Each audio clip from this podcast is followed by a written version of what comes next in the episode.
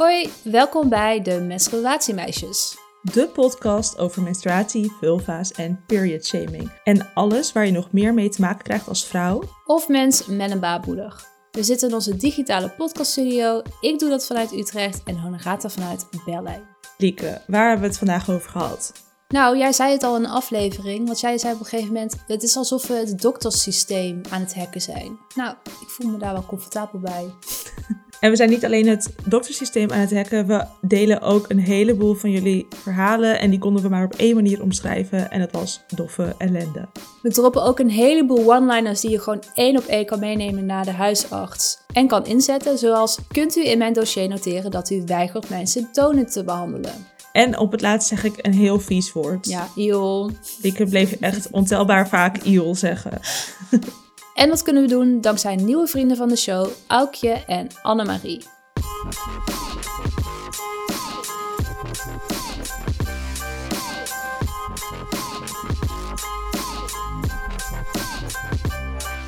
Eerste hulp bij doktersbezoeken.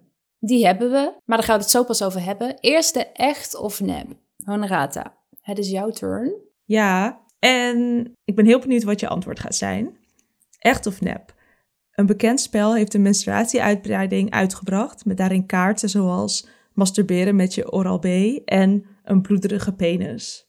Een menstruatieuitbreiding en dan twee seksdingen. Huh? ja, ik vind het wel erg specifiek. Ik uh, zeg, zeg echt. Ja, kak. Het is echt, inderdaad. Maar houden we het wel uh, gezellig. 1515 staat het al nu. Het is van Cards Against Humanity. Ik weet niet of je dat Oh. kent. Ja, dat ken ik. Dat is echt heel leuk. En heel duur, maar maakt niet uit. Is dat duur? Ja, voor een paar kaartjes 40 euro vind ik wel duur, ja.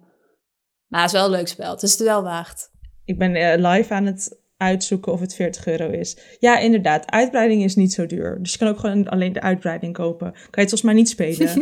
ik denk het ook niet. Het gaat natuurlijk niet alleen om die kaartjes, hè, Lieke? Dat weet je ook wel als creative. Eh, ons boek is ook alleen maar een stapel papier. 15 euro voor een stapel papier true. vind ik ook wel duur. Ja. Anyway, die uitbreiding is iets van twee jaar geleden uitgekomen. En oorspronkelijk zat hij zelfs verpakt in een maandverband. En dan kreeg je er ook een chocolaatje bij. Lekker stereotyp. Eh, En ik zal even een geweldige YouTube-video, eh, not, maar een filmpje in de show notes zetten van een man die alle kaarten langs gaat en uitlegt wat het is. Het is heel Amerikaans. Eh, maar zo werkt het spel toch ook niet? Het is heel raar als je die kaart gaat uitleggen. Het gaat juist om zo min mogelijk zeggen of zo, toch? Eh, ja, maar hij laat gewoon zien wat de uitbreiding is. Ah, oké. Zodat je weet wat je koopt. Ja. Ja. Hmm. Maar het klinkt, ja oké, als in het woord menstruatieuitbreiding vind ik interessant klinken. Maar de twee voorbeelden die je noemt, denk ik, ja, dan hebben, heeft Cards Against Humanity en wij toch echt een andere definitie van menstruatie. Nou, bloederige penis is wel menstruatie gerelateerd. Het was eerst Sonicare, maar ik dacht, ja, dan ga je helemaal weten dat het echt is. Nee, want wat, wat is dit? Sonicare? Wat? Ja, ken ik niet. Dat is een dat, nee, ja, dat weet, daarom zeg ik, daarom zei ik dat ook niet. Ik heb het vervangen door Oral-B. Maar Sonicare is een soort type elektrische tandenborstel volgens mij. Ah, oké. Misschien klopt het helemaal niet. Wie zal het zeggen? Vol, ik dacht dat het een elektrische... Ik heb het volgens mij gegoogeld. Anyway, 1515. Ja, of wilde je nog iets weten hierover? Hmm, nee. Oké, gaan we verder. Naar de menstruatiemail. Yes, die is van Tamara deze keer. Ik zal hem zo gaan voorle- voorlezen. Hij was een beetje lang, dus ik heb hem ingekort, maar ik heb alleen ingekort op de complimenten. Dus er zijn alleen maar complimenten uitgehaald door mij. Want Tamara heeft feedback aan ons. En dat vond ik eigenlijk heel leuk. Ik ga hem nu voorlezen. Hoi lieve medemeiden, ik heb deze week al jullie afleveringen gebinged en ik ben erg fan en vind dat jullie super goed bezig zijn. Oké, ik heb één compliment ingehouden. Voor de vorm, ja. Ja, komt nu de feedback. Ik wilde met jullie delen dat ik toevallig ook deze week heb geleerd waarom paracetamol vaak slecht werkt om menstruatiepijn tegen te gaan, terwijl ibuprofen wel werkt. Een vriendin verwees me naar het fantastische YouTube-filmpje van de Universiteit van Nederland. Ik vond het belangrijk om dit filmpje met jullie te delen, omdat jullie ooit als richtlijn hebben gesuggereerd dat als je met twee paracetamol op nog steeds niet je dag normaal kunt doorlopen van een menstruatiekramp, dat er dan misschien iets niet helemaal goed gaat. Maar het blijkt dus dat paracetamol überhaupt niet goed werkt. En ik denk dat het belangrijk is om te weten voor jullie luisteraars. Deel 2 van de feedback. Verder wilde ik nog even een kleine opmerking maken over jullie aflevering over vaginisme. Ik dacht alles te gaan leren over vaginisme en ik was echt hyped om die aflevering te luisteren. Maar jullie hebben eigenlijk helemaal niet uitgelegd wat het is. In de aflevering is niet, niet eens één keer het woord vagina genoemd. Luister maar na. Dat was vast niet helemaal jullie taboe doorbrekende bedoeling. Lieve groetjes, Tamara. Ja, wat is jouw reactie? Nou ja, ik heb deze mail dus beantwoord. Dus ik heb als eerste bedankt voor alle complimenten. Over deel 1 heb ik gezegd, ja, volgens mij hebben we dat ooit gezegd, maar inmiddels is onze richtlijn ook, of nou, zeggen we ook dat ibuprofen of naproxen beter zou moeten werken. Dus ik denk dat je ons nu niet meer zou betrappen op het paracetamolverhaal. Staat ook niet in ons boek Ja. zo, bijvoorbeeld. Nee, ik heb ook eh, de richtlijn ook even gecheckt. Eh, ik heb bij ook op thuisarts even gekeken. En ik, ik doe even een informele nieuwe richtlijn. Dat als je na één ibuprofen eh, van 400 of 600 milligram nog steeds niet normaal je dag kan, kan doorkomen, dan is het handig om naar de huisarts te gaan. Dat was mijn voorstel voor de nieuwe richtlijn. De informele honorata is niet een dokterrichtlijn. Nee. Oh, maar eh, wacht, sorry. Ik, kan niet meer reageren op wat je daarna zei. Maar ik ben zo confused over die 400 gram. Want ik ga daar ver overheen. Maar ik ben naar de huisarts gegaan. En dan is het echt alleen maar... Ja, heb je meer ibuprofen? Ja, milligram trouwens, zorg voordat je hier echt mensen helemaal zit te drogeren. Oh, Ja, nee, maar dus inderdaad, als je zo, zo erg pijn hebt, moet je langs de huisarts gaan. Maar we hebben geen ik kan als ik kan geen garantie geven dat je dan geholpen gaat worden, maar meer van Nee. Laat even checken, bespreek het met je huisarts. ja. En daar gaan we het natuurlijk ook over hebben in deze aflevering. Dus eh laten we Oh, even dat... Ja, toevallig. Laten we even het tweede gedeelte van deze mail bespreken. Want ja, ik ging dus een beetje lachen bij, die, bij wat ze omschrijft. Maar meer van schaamte. Ik, ik vond het een beetje awkward om te lezen dat dit blijkbaar is gebeurd. Maar ik heb teruggeschreven aan Tamara dat het uitgangspunt van de aflevering altijd het verhaal van de gast is. En dat daarbij blijkbaar de betekenis van vaginisme is verloren gegaan. Ja, ik kan hier maar wel een stukje de, de schuld op me nemen, want volgens mij heb ik in de Oh, basis toen ben ik met het script begonnen en ik heb per ongeluk bewust overgeslagen zo van oh dat weet iedereen wel en dan zeg maar is het misschien saai om te luisteren, maar toen later dacht ik oh no, ik snap dat je die keuze hebt gemaakt, maar het was misschien niet zo'n goede keus. En daarna was ik dus ook al van plan om het in afleveringen daarna wel mee te nemen. Dus volgens mij is het in aflevering 30 met Iris over haar angststoornis eh, wel goed gegaan. Maar het was Ja. wel, ik las het en toen dacht ik, ik had het zelf ook al door. En dan wil je gewoon dat niemand het door heeft, zodat je het kan fixen. Ik wist niet dat je dit bewust had gedaan, though. Dit is wel een surprise van mij ook. Ja, maar bewust is het is niet dat ik echt zo... Het was één, een keuze, laat ik het zo zeggen. Snap je? Ja, Je weet maar, als je een script maakt, maak je echt honderd keuzes. Duizend misschien wel. true. Oké, nou, hebben we onszelf dan goed genoeg verdedigd? Nee, grapje, dat was niet de Ja, maar ik intentie. eh, verwelkom het wel echt van harte hoor. En ik kan me er ook wel in vinden. Ik vond dit leuke feedback. Ja. Oké, nou, dat eh, was Tamara. En als je iets anders wilt insturen, of heel veel complimenten, of een beetje feedback, dan kan dat. Maar ook je menstruatieverhaal, ik doe even heel erg chaotisch. Stuur ons gewoon dingen. Stuur ons menstruatiemail naar menstruatiemeisjes.nl slash menstruatiemail. En dan gaan we het nu echt over naar de dokter gaan hebben. Honorata, hoe vaak denk jij dat we het woord huisarts in ons boek hebben staan? Alleen het wo- woord huisarts of ook dokter? Huisarts.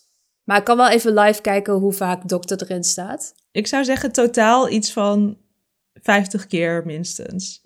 Zo arts, huisarts, dokter, Oké, huisarts staat er 61 keer in. royaal.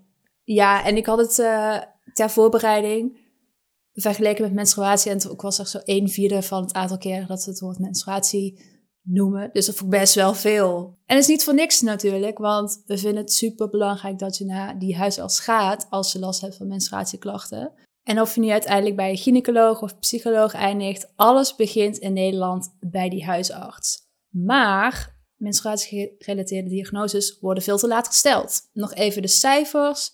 PNUD duurt gemiddeld zo'n 12 jaar en endometriose 7,4. Veel te lang dus. Dus als er een baarmoeder bij de dokter komt, gaan er dingen mis. This is not science, maar wij durven wel te stellen dat menstruatieklachten niet altijd serieus worden genomen. Dus daar gaan we het over hebben. Eerst gaan we het hebben over hoe kan dit nu precies? Waarom hebben we dit probleem? En daarna gaan we je tips geven over wat je kan doen als je naar de huisarts gaat. Tussendoor gaan we ook nog jullie verhalen delen. Sommige zijn nou echt hartverscheurend. Andere, daar word je gelukkig wel weer blij van. Mocht je jouw verhaal gedeeld hebben met ons, super, super bedankt. Ja, ik wist niet wat me overkwam in stories of in die vraagsticker en in DM. Ze passen niet allemaal in een aflevering, maar we hebben ze allemaal gelezen. Ik heb ze ook allemaal overgetypt. Pijn in mijn vingers. Ik heb ze bewaard, want we hebben nog een paar plannetjes. Maar die zie je vanzelf op Instagram voorbij komen. Gaan we nu naar hoe dit probleem precies ontstaat. Ja, we slepen dat eh, taboe er maar weer in, nog een keer bij. Eh, daar hebben we het al heel vaak over gehad. En we hebben het ook heel vaak gehad over de invloed van het taboe op de medische en wetenschappelijke situatie. Nou, dat is zeker onderdeel van het probleem. Maar ik heb ontdekt dat ook, dus, dat er ook een praktisch probleem is. Ik ging even googlen, hoe lang duurt nu een gemiddeld huisartsconsult in Nederland? Eh, en dat is 10 minuten. Dat is inclusief het schrijven van een verslag. Nou, dat vind ik niet heel lang. In Zweden, ik, Zweden is my greatest inspiration. Zweden duurt ongeveer 22 minuten. En volgens mij was de andere, andere kant van het spectrum echt zo 48 seconden in Bangladesh. Nou, onderzoek staat in de show notes. Ja. Mag ik nog iets zeggen over die lengte? Ik had een, een keer een huisarts en die typte heel langzaam. Ik weet niet of het met twee vingers was, maar het ging echt heel langzaam. En dat ik letterlijk zat te kijken terwijl die aan het typen was. Ja, dit gaat allemaal van mijn afspraak af, zeg maar. Ja. Dat ik echt blij was dat ik een sneller typende eh, huisarts had later. Hij was verder wel heel goed, maar please, ga sneller typen. Inclusief schrijven verslag gaat inderdaad allemaal van je tijd dan. Zit je dan te kijken naar hoe iemand zit te typen. Maar goed, consult is kort en huisartsen zijn overbelast al best wel een tijdje. En dat komt de aandacht voor de patiënt natuurlijk niet ten goede. Uit onderzoek van een medisch tijdschrift blijkt ook dat er een direct verband bestaat tussen een korte consult en de hoeveelheid voorgeschreven medicijn, medicijnen. Namelijk, hoe korter het consult, hoe meer medicatie er wordt voorgeschreven. Nou, ik dacht meteen aan de pil, dat je die echt hoppatee meteen krijgt bij menstruatiepijn eh, en andere zaken. Huisartsbelangengroepen pleiten al langer voor langere consults, maar daarvoor moet de financiering in de zorg op de schop. En dat is natuurlijk een kwestie van een, een lange adem. Dus eh, ja, er zit qua systeem zit er iets niet helemaal goed. En we hebben een taboe. Het is allemaal niet best. Nee, dus moeten we het maar hebben over wat je zelf kan doen, blijkbaar. Ja. Allereerst, veel van de tips zijn ook te gebruiken bij de gynaecoloog of psycholoog, maar wij richten ons nu echt op de huisarts, maar waarschijnlijk kun je ze gewoon een beetje aanpassen en ook op andere plekken gebruiken. We gaan drie momenten langs, namelijk voordat je naar de dokter gaat, bij de dokter en na de dokter. Ik zeg altijd dokter trouwens, of huisarts. Ik ga naar de huisarts, maar ik- weet het niet. Wanneer zeg je dokter, wanneer zeg je huisarts? Ik ga ze gewoon door elkaar heen gebruiken. En elk deel van die drie delen beginnen we met een rondje doffe ellende. En dat zijn de berichtjes waar we niet zo vrolijk van werden. En die gaan we voorlezen. Ik kwam erachter dat ik waarschijnlijk PMDD heb. Alleen mijn huisarts wil me alleen maar aan de antidepressiva hebben en negeert de kans op deze diagnose. Zelfs als ik voor keelpijn kom, wil hij weer die antidepressiva door mijn strot duwen. 13 jaar lang ben ik afgewimpeld met je moet gewoon wat meer ontspannen meisje. Ik wil wel eens zien wat er gebeurt als je stopt met McDonald's eten. En het is gewoon een fysieke uiting van stress. Iedereen krijgt wel eens buikpijn. Na een spoedoperatie kreeg je uiteindelijk de diagnose uitgebreide endometriose. Ik ging naar de huisarts vanwege een onregelmatige cyclus. De man vertelde me een verhaal over vroeger, over de jagers en verzamelaars. En als vrouwen zich in die tijd niet veilig voelden, werden ze ook niet ongesteld. Daar moest ik het mee doen. Een paar jaar later kreeg ik alsnog de diagnose PCOS. Geloof dat die jagers en verzamelaars altijd overal bij worden gesleept. En nou, wat kun je doen? Ik zal beginnen bij wat ik zelf altijd deed. Ik ben best wel vaak verhuisd en dat gaf me elke keer de kans om een nieuwe huisarts uit te zoeken. Althans, was in grote steden. En moest dan wel vaak op postcode zo in je, binnen je eigen gebied. Dus je kan niet, ik kon niet alle huisartsen kiezen. Maar ik ging, als ik een nieuwe uitzocht, ging ik altijd Google Reviews kijken.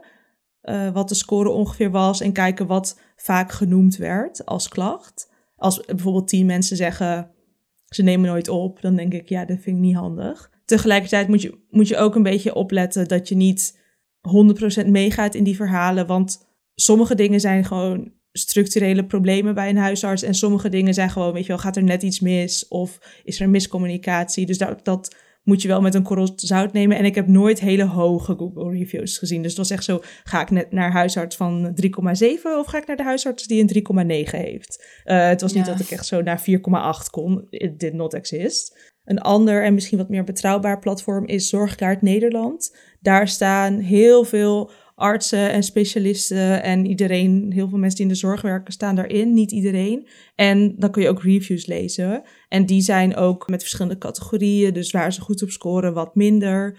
En ja, bij het ene ziekenhuis zijn daar wat meer dingen te vinden. En bij de ander wat minder. Ik heb ook wel eens hele fijne zorg gehad van mensen die niet op die site stonden. Maar als ik een beetje moest research doen van waar ik heen wilde, dan gebruikte ik dus die twee dingen.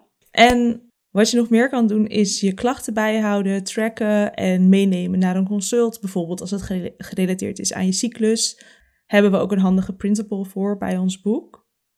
Hint, hint, hint. Verder is het fijn om vragen voor te bereiden uh, van tevoren. Ik deed dat dan vaak op mijn telefoon. Als je het spannend vindt om naar de dokter te gaan, kun je iemand meenemen.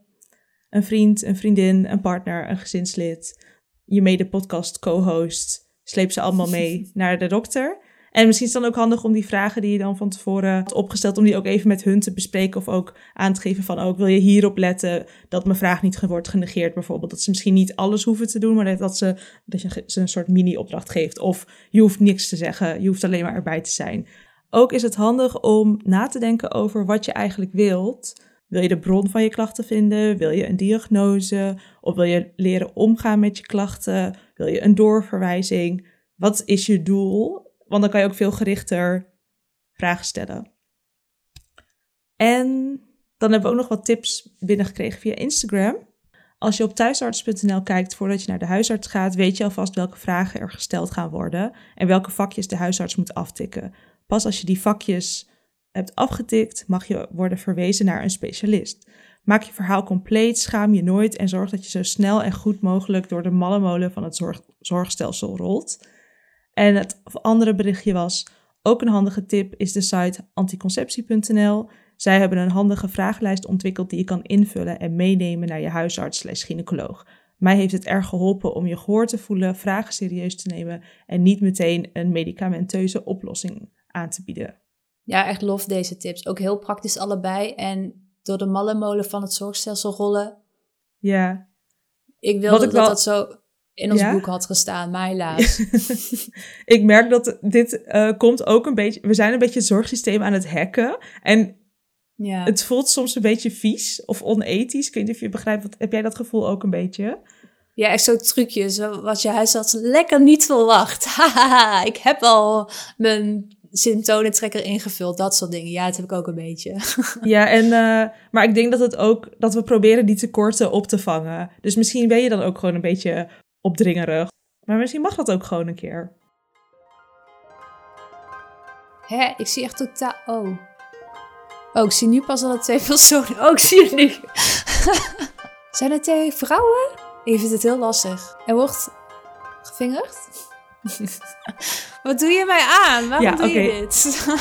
ja, het zijn inderdaad twee vrouwen die bloot zijn en er zitten heel veel ledematen en er wordt gevingerd. Dit staat bij mij in de woonkamer. Dit is een klein stukje uit de bonusaflevering van vandaag, waarin we niet alleen menstruatiemeisjes zijn, maar ook feminisme meisjes. En daar kun je deze keer gratis naar luisteren, want we geven hem eenmalig cadeau. En als jij ons dan weer een kerstcadeautje gunt, dan kun je ons nog steeds supporten via vriendvandeshow.nl slash menstruatiemeisjes. Meanwhile, enjoy dit gratis en eenmalig kerstcadeautje. Dat was wat je kan doen ter voorbereiding van je consult. Gaan we het nu hebben over wat je tijdens je consult kan doen. Maar eerst weer doffe ellende. Ik verloor veel bloed na mijn derde zwangerschap. Iedere maand was het een drama, maandverband en een cup. De huisarts zei: Dan laat je toch je baarmoeder verwijderen? Heb nu een vrouwelijke huisarts.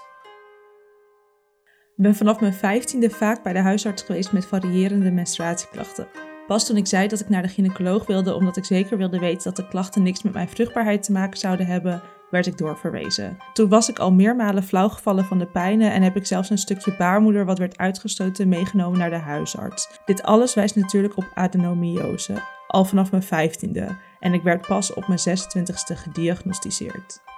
Als transman met heel veel menstruatiepijn telkens weggestuurd worden met de pil die ik niet wilde nemen in verband met depressieve klachten en vrouwelijke hormonen.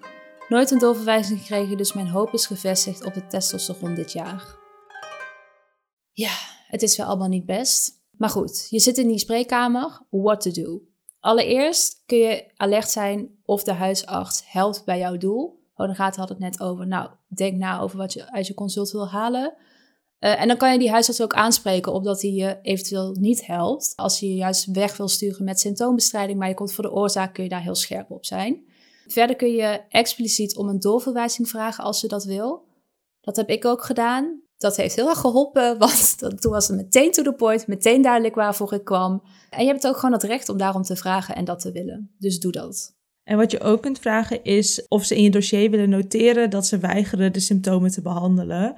Of probeer gewoon dingen in dat dossier te krijgen, zodat ze meer bewust zijn van wat ze doen, dat dat, dat vastgelegd wordt. Want normaal als ze gewoon zeggen, oh, me, dan, dan staat er alleen maar dat je lang bent, langs bent geweest. Ja. En als ze een doorverwijzing weigeren, ik weet niet of een huisarts dat mag, maar als ze dat weigeren, kun je ook vragen, ja, zet dat maar in mijn dossier dan, dat je dat weigert. Ja, lekker passief-agressief. Oké, en voordat dit uit context wordt getrokken, ze schrijven heel vaak wel bepaalde dingen op van wat er wordt besproken, maar lang niet alles. Ze hebben maar 10 minuten, dus dat is een beetje wat ik bedoelde. Mag je nu weer verder, Lieke? Yes. Uh, volgende tip is stel vragen. Dus gewoon dat lijstje checken wat je hebt meegenomen. Niet het raar vinden dat je dat erbij moet halen. Kijk op die telefoon. Maak dat notitieboek open. En een paar van onze favoriete zijn als volgt. Als er niet X is, wat is het dan wel? Is behandeling X de enige mogelijkheid? Wat zijn de risico's? En wanneer zou ik terug moeten komen? Of hoe erg moeten mijn klachten zijn of veranderen om weer aan de bel te trekken? Vooral die laatste, als je niet echt satisfied bent, dan... Ja, die heb ik ook wel eens gepoeld. Ja, ik heb die ook gepoeld. Ja. dan maak je het toch weer concreet of zo. Welke ik ook heb gepoeld is, uh, kun je uitsluiten dat het, dit dat het niet dit is, bijvoorbeeld, zoiets. Ja. er staan nog een heleboel andere voorbeeldvragen in ons boek. Weer dat boek. Hoe, hoe subtiel help de, help de menstruatiemeisjes deze december maanden door. Ja. Goed, uh, door naar de volgende tip. Want ik weet nog dat toen ik naar de huisarts ging voor mijn menstruatiepijn, toen had ik echt het idee dat toen die huisarts weer met die pil kwam aankakken, van, dat ik echt meteen moest beslissen. Maar dat hoeft dus niet. Je kan er gewoon rustig over nadenken. Geef gewoon aan, ik weet het nog niet wat ik wil. Uh, vaak kun je achteraf daar dan ook de doktersassistent voor bellen om door te geven wat je hebt besloten. Dus neem echt die tijd als je die nodig hebt. En er zijn nog een aantal tips via Instagram binnengekomen. In het vervolg zou ik meteen een heftige diagnose zelf noemen, in mijn geval endometriose, en benadrukken dat daarbij mijn vruchtbaarheid op het spel staat. Gewoon om te zorgen dat ik bij de gynaecoloog terecht kon komen. Ja, is een beetje sad, maar die kinderwens en vruchtbaarheid werkt wel goed. Ja. Oké, vraag de dokter om research te doen als hij iets niet kent. En deze kwam ook veel terug. Vertrouw alsjeblieft op je eigen onderbuikgevoel en praat. Laat je niet afschepen. Nou, aantal bemoedigende woorden. En specifiek over de gynaecoloog. Als, je, als de gynaecoloog iets naar binnen wil brengen, vraag dan of je het zelf mag doen. Voelt minder heftig. Die tip van om research te doen. Ik heb dat best wel vaak met mijn PMDD. Dat als ik dan drop van ik heb PMDD, dat ik dan. En dan zeg ik, uh, weet niet uh, of je dat kent. En dan zeggen ze altijd ja. Maar ik probeer dan altijd heel erg uit hun gezicht te lezen of ze het dan echt weten wat het is. Of gewoon soort van weten wat het is. Of weten wat het is is natuurlijk ook weer iets anders dan weten hoe, het behandeld moet worden. Of wat, hoe het, nou ja, anyway. Ja, is haast zo, zet die huisarts maar lekker voor paal of zo. Met zijn ontbrekende kennis. Goed, dat was tijdens het consult. Laatste categorie, na het consult. En we mogen weer beginnen met een rondje toffe ellende, de laatste. Ik heb een menstruatie die voor bloedarmoede zorgt. Op mijn vijftiende had ik mijn eerste gynaecologische ervaring waarbij er HVP-cellen werden gevonden. Volgens de gynaecoloog zou ik nooit zelf kinderen kunnen krijgen. Op mijn zeventiende, zeventiende slash achttiende jaar ben ik mama geworden. Als ik de juiste informatie had gekregen, had ik misschien een andere keuze gemaakt. Maar door die vrouw dacht ik dat ik onvruchtbaar was. Bij erge buikpijnklachten het advies van de huisarts gekregen om maar te gaan stofzuigen. Ging naar de huisarts omdat ik een half jaar geleden was gestopt met de pil en nog niet ongesteld was geworden. Ik kreeg geen afspraak van de assistent, die zei dat ik maar beter weer ter- terug kon gaan naar de pil. Na lang doorzeuren eindelijk een verwijzing naar de gynaecoloog, waar ik de diagnose PCOS kreeg. Geen uitleg over wat dit was of hoe dit kon, maar meteen uitleg over dat kinderen krijgen moeilijk of niet zal gaan. En dat als ik kinderen wilde, ik terug kon komen. Als het niet zou lukken, was er altijd nog de optie tot adoptie. Laten we snel verder gaan. Ja. Oké, je hebt je afspraak gehad. Je bent niet blij met hoe het gegaan is. Wat kun je dan doen? Nou, je kunt voor jezelf opkomen en het de huisarts laten weten. Ze moeten het weten, want anders kan er ook niks veranderen voor jou of voor anderen. Schrijf een mail of dien een klacht in. En neem ook vooral even de tijd om te verwoorden wat er precies mis is gegaan. Wat je ook kan doen is als de huisarts of praktijk het heel bond heeft gemaakt, is om van huisarts te wisselen of op zoek te gaan naar plekken waar je anders terecht kan, zoals clusterhuisartsen of misschien specialistische praktijken. Ik ben echt heel erg van het wisselen. Ik ben ook heel vaak verhuisd, dus dat maakt het ook wel makkelijker. Maar als je lang op één plek wil wonen, dan is het zo fijn als je een prettige huisarts hebt dat ik zou wisselen. Maar mocht wisselen je nog even te ver gaan of gewoon geen tijd en energie voor hebben, dan kan je misschien eerst ook vragen om een second opinion. Vind dat ook een beetje een informele manier om te laten merken van, ik neem dit serieus en ik zou het fijn vinden als jij het ook serieus nam. Jij dat ook doet. Ja, ik zeg dus geen u tegen de dokter. Oeh, vet wild child. Ik ook niet. Maar ik schrok er ook niet. We zeiden toch beide jij? Ja, maar volgens mij moest je vroeger zo u tegen de dokter zeggen. Of ik ben opgevoed met u tegen de dokter zeggen, denk ik. Ah, ik tutoieer echt everyone. De koning. ja, absoluut. Ja, oké. En we hebben ook nog een tip. Die is ingezonden. Ik raad iedereen aan om zich aan te sluiten bij een huisarts met een gynaecoloog in de praktijk. Ik kan zoveel sneller terecht. Wisselen van huisarts na een slechte ervaring lijkt ook een taboe, maar echt doe het. Zusje en ik zijn allebei gewisseld en geen moment spijt. Dit is ook nog even een casual tip van mij. Vraag mensen om je heen die bij jou in de buurt wonen of ze een fijne huisarts hebben. Want ik had een keer een hele fijne. Toen heb ik echt al mijn soort van huisgenoten en vrienden allemaal op de Jena naar die huisarts gestuurd. Zo van, deze is echt fijn. En ze vonden het volgens mij ook allemaal fijn. Oké, deze persoon was niet perfect, maar het kwam een heel eind. Bovengemiddeld. Ja, Ja. en dan gaan we nu naar de positieve verhalen. ja, want die zijn er dus wel. Niet heel veel. De balans was echt totaal zoek in alles wat we hebben Het lag binnengekregen. niet aan jullie, maar het ligt aan de huisartsen en het zorgsysteem. Nee, ja, absoluut.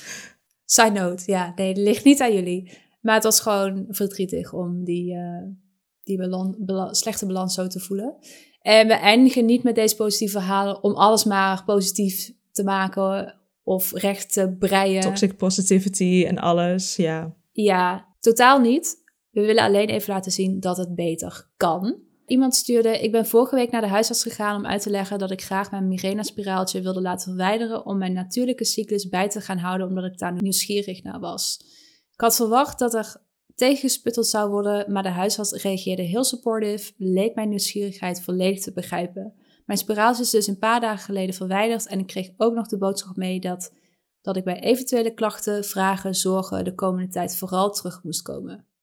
En het andere berichtje is: ik ging naar de huisarts met een volledig ontregelde menstruatiecyclus en veel pijn. Ze nam me gelukkig gelijk serieus en stuurde me door naar de gynaecoloog en moest binnen een week gezien worden. Toen ik bij de gynaecoloog was, was ik zo zenuwachtig, maar gelukkig was het zo een lieve man. We hebben samen besproken wat er precies aan de hand was. Hij wilde daarna een echo maken en zag gelijk wat er aan de hand is. Ik heb adenomiose. Best wel pittig, vooral omdat het iets chronisch is. Rustig hebben we alle opties besproken, zodat ik een goede keus kon maken. Dus zo kan het ook. Zo kan het ook. Goed. Nou, heel veel tips. Ik hoop dat, ehm, dat je er iets aan hebt. Gaan we nu naar de Try This at Home. Heb jij ook nog een tip, Honorata? Ik heb zoveel tips. En de tip van deze aflevering is: Zet je cyclusgerelateerde klachten in je agenda. Laat dat zo stil. Moet ik nu al gaan reageren of komt het nog? Ja, ik weet niet, een beetje lost. Ik ga wel gewoon naar de uitleg. De backstory is dat ik heel goed weet waar mijn klachten in mijn cyclus zitten. Maar omdat ik niet altijd even actief... Ik kijk niet elke dag in de cyclus-app van welke dag ik zit. Ik heb ook andere dingen te doen. Maar daardoor overvallen de klachten me best wel eens. Of maak ik hele leuke plannen. En in mijn achterhoofd sluimert er de gedachte van oh, binnenkort komt de PMDD, maar ik weet niet precies wanneer en ik ben het een beetje aan het ontkennen. Uh, maar dat botst dan altijd keihard. Dan moeten we podcastopnamen verzetten, of moet ik afspraken afzeggen. Ben ik verdrietig dat, niet, dat ik niet alles kan doen wat ik wilde. Dus nu heb ik in mijn agenda uh, van die balkjes gemaakt van meerdere dagen wanneer ik die klachten heb. Ik heb het gezet op herhaal elke 25 dagen, want dan, dan kwam het overeen met mijn cyclus-app. En natuurlijk ben ik niet zo regelmatig, dus ik moet het dan wel een beetje gaan verschuiven uh, naarmate de tijd verder gaat. Maar ik heb wel tenminste een schatting. Jij zou bijvoorbeeld je menstruatiepijn erin kunnen zetten. weet jij wel precies wanneer dat is? Uh, nou, niet precies, maar ik check wel heel regelmatig Clue. Zeg maar, ik weet hoe lang mijn cyclus ongeveer is. Dus in de laatste vijf dagen leidend naar mijn menstruatie check je wel echt Clue van, oh, waar zit ik precies? hoe lang heb ik nog? Dus Ja, ik denk dat ik gewoon het te vaak check ja. om... Maar dan hebben we toch wel een podcastopname op de dag dat jij menstruatiepijn hebt. Oh ja? Ja. Volgens mij is dat wel eens geweest of dat we in een meeting zitten en dat je pijn hebt. Je stuurde me laatst een berichtje. Ik lig op nog op bed. Ik heb pijn. Oh, ja, maar toen hebben we toch geen meeting gehouden? Nou ja, in ieder geval, ik had de, de, ik dacht dat je soort van, misschien weet je het wel, maar dat je er, ik weet niet of je er iets mee doet. Maar moet je zelf weten hoor. Oh, ja, maar er iets mee doen, zeg maar. Ik heb daar, ik heb, zeg maar, het is uh, alsof ik een muntje op moet gooien. Of ik ben op tijd met iets innemen en dan is er niet echt iets aan de hand. Dus dan kan alles gewoon doorgaan, of niet. Ja, en dan moet je appen, ja, ik heb menstruatiepijn. Ja. Maar dat is dan niet omdat het als een verrassing komt, maar omdat ik te laat was. Ja, Helaas. ik snap het. Ja, oké. Anyway, dit was de tip. Lieke heeft er niks aan, maar ik hoop iemand anders wel. en dan gaan we naar de Gouden Cup. Elke aflevering reiken we die uit. En deze keer gaat hij naar. Ik heb mijn uh, eigen regels een beetje uh, genegeerd. Maar hij gaat naar de sekshanddoek van de Female Company. En ik heb, had het over regels midden in mijn zin. Maar ik wilde zeggen, normaal bewaar ik dingen voor de aflevering. Maar deze zat toevallig al in mijn menstruatie gift guide op Instagram. Dus excuus daarvoor. Dit is geen exclusieve content meer. Anyway, hij is rood en er staat I like it dirty op. En dat vond ik heel grappig, zeg maar, qua kopie echt I love. En ja, ze doen daarmee gewoon lekker normaal over menstruatieseks. En ik zie dat ik de Duitse kopie er ook heb bijgezet. Ik weet niet. Ik weet niet. Ja, zal ik het voorlezen? Ik kan dit denk ik ook wel voorlezen, gaan raten. Maar ik weet niet of veel mensen Duits kunnen. Oké, ik wilde even met Duitse cursus gaan... Uh... Oh ja, dat snap ik wel. Nee, oké, dan stage is yours. Nee, nu durf ik niet meer. nu durf je niet meer. Oké, er staat, die wasserbasierte PU-Beschichtung lässt nichts durch, egal ob du Sex während deiner Periode hast oder im Squir... Wacht, doen Duits dit dan in het Engels? Squirting mode beast.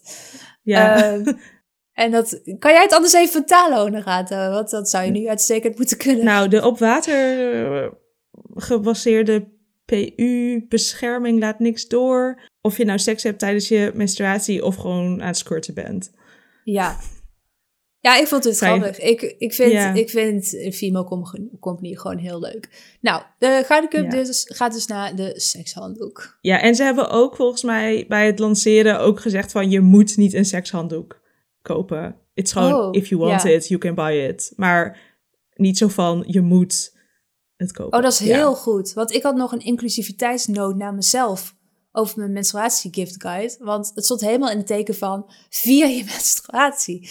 Maar er zijn natuurlijk ook mensen die het gewoon dan, of er niet mee geconfronteerd willen worden. Dus ja, eigenlijk, nou. Nou, ik zit al mijn onzekerheden hier uh, gewoon uh, te delen. Hè? Bewaar die maar voor de publieke bonus die hierna komt. Ja. En daar wilde ik ook nog even iets over zeggen. Ik wilde eigenlijk niet iets over de bonus zeggen, maar even iets eh, even over geld. Even over het achterkantje. Het achterkantje van menstruatie. Yo, dat vind ik echt een woord. Ja, sorry. Ah, ik ga niet weg. Ja. This is too much. Ik denk ook niet dat het... Het was een soort verspreking. De achterkant... Dat was echt heel naar. Eeuw. Oké, over de achterkant. Namelijk waarom we onze prijs toen hebben verhoogd. Want onze maandelijkse prijs is van 1 euro naar 2 euro gegaan. En dat is met name omdat de kosten van vriend van de show... plus dan dat dingetje waarmee je moet betalen... daar gaat alleen al dat betaaldingetje gaat al 30 cent heen. Dus als wij 1 euro tarief open hadden laten staan... dan gingen er 50, ongeveer bijna 50 cent van je betaling... ging dan echt zo naar de betaalsoftware en vriend van de show. En dat is voor ons niet zo fijn, maar voor jullie ook niet. Dan wil je ons steunen en dan gaat echt zo de helft van je geld weg. Dus daarom hebben we 2 euro gedaan. En mocht je toevallig het jaarbedrag op de plank hebben laten liggen, daar hoeven we dan ook maar één keer die 30 cent aan die betaalsoftware te betalen. Dus. Maar we vinden het ook super lief, überhaupt, als je ons steunt. Dus het is echt totaal, het moet niet, het mag. Toch? Lieke, zeg ik het goed? Heb ik iets raars gezegd? Heb ik te vaak het woord cent gebruikt? Ik weet het niet. 30 cent. Nee, het is 29 cent. Dan weet iedereen dat. Yo. Dat was het, denk ik. Dat was het. Dankjewel voor het luisteren. De volgende aflevering hebben we weer een gast. En dat is Nienke van Cupkiezer. Vergeet ons niet te volgen op Instagram en Spotify. En ben je ook helemaal klaar met period shaming? Tip dan onze podcast aan iemand. Of schrijf een spetterende 5 sterren review. Want dat is de beste manier om meer mensen deze podcast te laten ontdekken. Doei! Doei!